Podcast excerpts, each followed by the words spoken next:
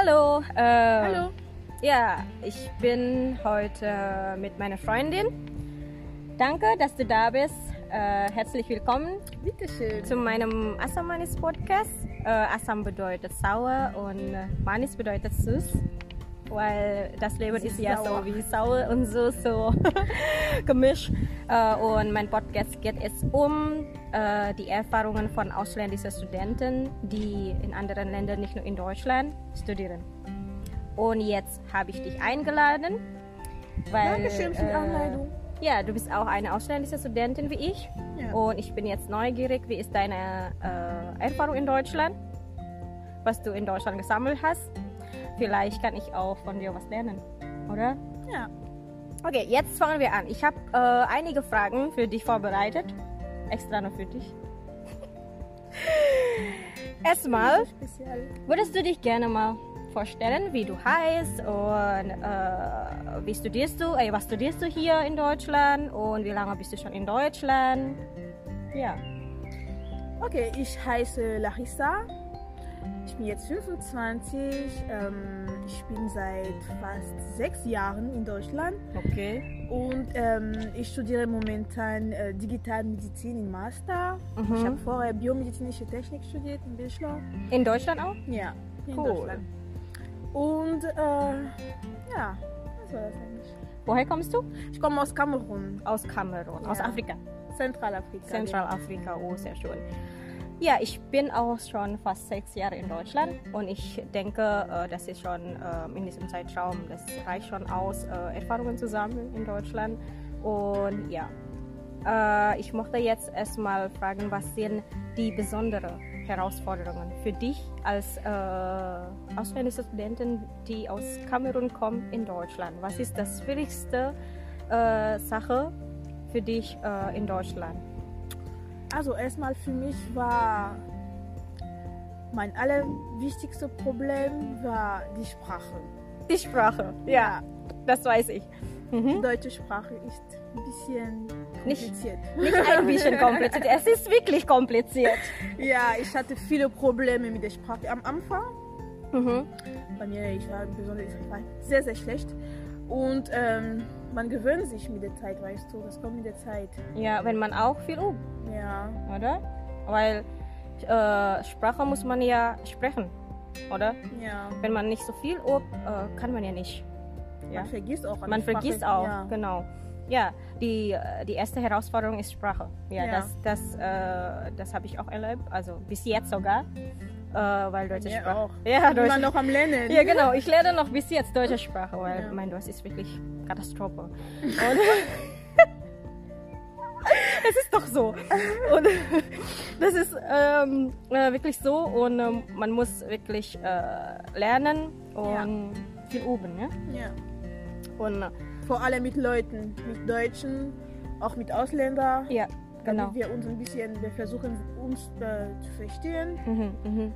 Ja, das ist wichtig. Also das ist auch ein Tipp, dass äh, wenn wir als ausländische Studenten, äh, wir müssen das, äh, ja, wir sollten äh, mit den anderen Ausländern auch so befreunden, auch ähm, äh, die Sprache, die deutsche Sprache zu lernen, zu verbessern. Auch äh, deutsche, deutsche Freunde sind auch wichtig. Ja. Sehr wichtig. Sehr wichtig und aber Larissa, das Problem ist, manche äh, machen sie Angst, wenn man also mit den Ausländern oder mit, mit den Deutschen zu, zu befreunden, weil sie machen immer Angst, also Fehler zu machen. Sie machen immer Angst, äh, Grammatik so äh, bei der Sprache, also nicht so gut sprechen können und was, wie, äh, wie findest du das? Das hatte ich auch am Anfang. Ich hatte sehr Angst, mit Leuten zu reden. Sehr Angst. Mhm. Und ich habe bemerkt, wenn ich Angst habe, dann lerne ich nichts.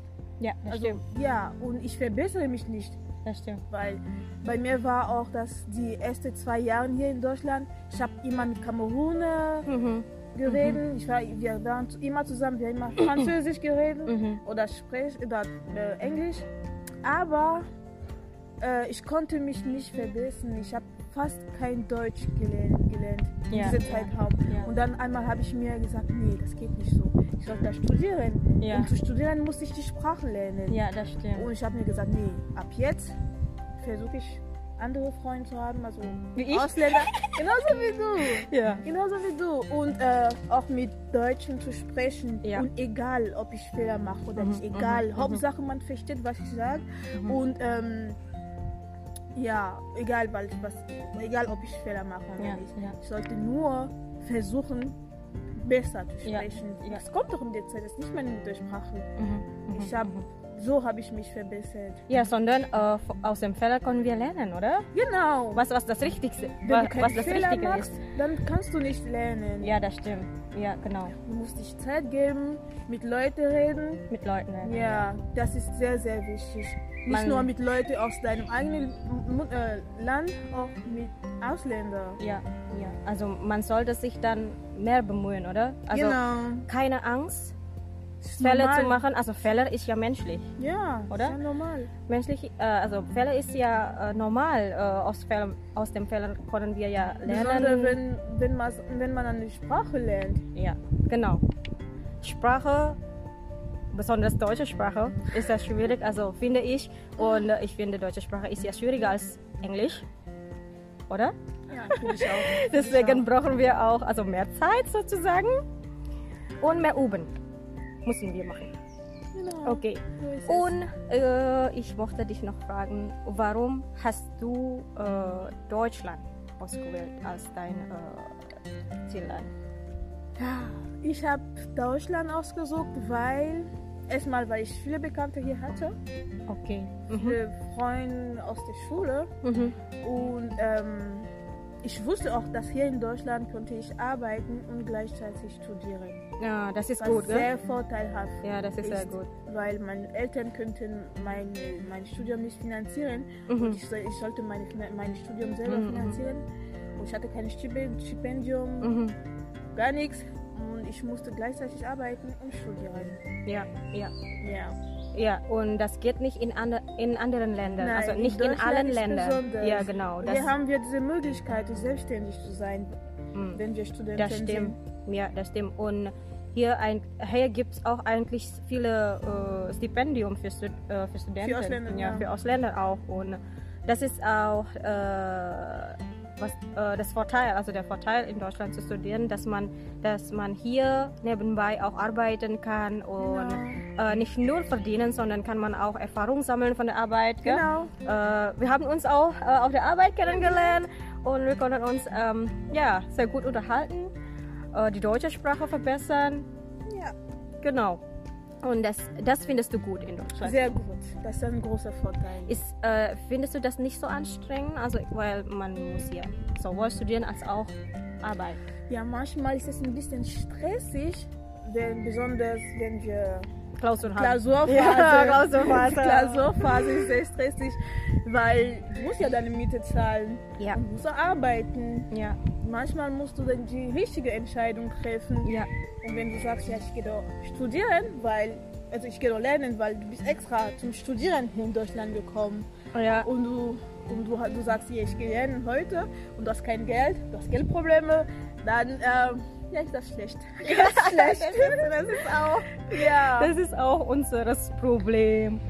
Man Geld. muss, man muss das also einen von, davon auswählen. Ja. Entweder studieren oder äh, entweder manchmal Klausur oder nicht immer so, aber nicht manchmal immer, aber so. manchmal so. Also kommt dann die Zeit manchmal. das ist auch schwierige Sache. Und Aber man gewöhnt sich gut an. ja, aber davon kann man lernen, wirklich. Man kann Zeitmanagement lernen, man kann auch, ähm, wie heißt das, äh, Finanzbedarfsplan lernen, wie kann man das richtig äh, einplanen kann mit der Zeit, mit, dem, äh, mit der Finanz, oder? Ja. Wenn man das nicht unter Druck setzt, dann lernt man auch nicht. Richtig? Genau. Ja, also wir ausländische Studenten, wir lernen nicht nur die Theorie an der Uni, sondern auch, wir lernen auch was von unserem Leben. Was Praktisches. Ja, genau. Richtig. Das Leben. Das Leben ist hart. Das Leben ist hart. Das Leben ist hart, Mensch. Ja. Ja, das ist äh, ja eigentlich ähm, das, äh, das ist schon ein Vorteil für, für uns, ja? Ja. Ja. Und wie findest du dann die Unis in Deutschland? Also ich meine die Professoren, ob sie nett sind oder die sind so anstrengend? Oder wie findest du das? Ich persönlich habe ich immer gute Erfahrungen mit Professoren. Die helfen dir immer. Die sind immer, immer, immer, immer sehr nett. Mhm. Also sehr hilfsbereit. Ja. Und wenn du Fragen hast, dann Mhm. kannst du direkt im Büro gehen und fragen und sie erklären, die erklären, bis du verstanden hast. Okay. Ja, die sind sehr nett und die verstehen auch, dass Deutsch nicht unsere Muttersprache ist. Ja. Deswegen nehmen sie sich Zeit, Mhm. um alles wirklich durchzuerklären. Ja. Ja, ja. Ja, ich Ja. habe immer gute Erfahrungen mit Professoren. Ja. Und sie, sie sind sogar beeindruckt bei uns, dass wir Deutsch Deutsche, so ja. gut beherrschen Ja. können. Ja, ja. Ja, also die respektieren es einfach. Genau, die geben Respekt. Ja, die geben Respekt, die geben uns Respekt, weil äh, ja, wir studieren ja nicht in unserem Heimatland. Wir studieren ja mit äh, anderen Sprachen, die wir eigentlich nicht, nicht unsere Muttersprache ist, aber wir schaffen das. Und wir brauchen doppelt mehr Zeit. Ja, genau, das Wir müssen die Sachen verstehen. das ist richtig. Die, die Sprache, inhaltlich, Ja, alles müssen wir verstehen. das gleichzeitig. stimmt. Das stimmt. Also für uns äh, in Deutschland studieren ist wirklich äh, Doppelarbeit. Ich will sagen, ja, wir, wir geben uns, uns doppelt mehr Mühe, Ja, um Sachen wirklich zu ja, beherrschen. ja, genau. Weil erstmal die Sprache, zwar sehr inhaltlich, ja, und, äh, und auch wenn man, äh, besonders wenn man äh, Präsentation machen muss. Oh, ja, das ist schon. Vorträge. Oh, Wenn ich, du einen ich, ich Vortrag bekomme dann Panic Attack, weißt Ich auch, ich auch. Ich habe immer so viel Stress. Ich ich bin immer so aufgeregt und ich verliere mein Deutsch. Ich, hab, ich verliere die Wörter. Das stimmt, das stimmt. Weil wenn, wenn man also aufgeregt ist, wenn man ähm, Panik ist, wenn man stressig oder wenn Mhm. man äh, nervös ist, dann oh, ich kann Du nicht hast das mehr Gefühl, denken. du kannst nichts. Du hast nichts im Kopf. Ja, du hast das Gefühl. Ja, das stimmt. Das so. Und ich, ich, ich habe also im Kopf so, dass oh, ich kann, ich kann deutsche Sprache nicht sprechen. ich kann nicht Deutsch, ich kann kein Deutsch. so einfach. Und manchmal haben wir sogar mündliche Prüfungen. Ja. Ich habe zwei mündliche Prüfungen gehabt und bei mir ist so schlecht passiert, weil ich, weil ich so, so aufgeregt war Mhm. und ich konnte die Leistung nicht gut geben. Aber eigentlich konntest du doch, oder? Nur wegen Nervosität kannst, Genau. konntest du nicht. Ja. Und das ist Genau. auch noch schlimmer, wenn man also stressig ist, wenn man äh, aufgeregt ist, dann vergisst man alles. Vergiss mal alles wirklich. Was ist dein Tipps? Wenn man also Präsentation machen muss an der Uni und vor dem Publikum, die äh, meisten Deutsche sind oder die meisten, die hier aufgewachsen sind, dann kriegt man sofort Panik, oder? Ich habe einmal eine Präsentation gehabt und es ist die einzige Präsentation, die sehr gut gelaufen ist. Ich habe 1,2 bekommen. Wow. Ja, Uh. weil ich hatte alles auswendig gelernt. Alle Wörter hatte ich auswendig gelernt. Okay. Ich hatte kein Zettel, gar nichts. Ich Ja, habe meine ja. Präsentation so alleine. Ich habe einfach, einfach gesagt, langsam gesprochen. Mhm. Ja, ich habe ein bisschen nachgedacht und dann gesprochen. Ja. So war das. So, dein Tipp ist auswendig lernen. Auswendig lernen, üben vor dem Spiegel zum Beispiel. Ja, ja, ja, ja, Üben und üben, üben, üben. Und das Wichtigste ist langsam sprechen. Genau. Wenn du zu viel sprichst, Ja. dann sagst du nichts. Man versteht dich Man, nicht. ja, man versteht dich auch nicht. Weil, ja, das, das, das passiert bei mir, weißt du.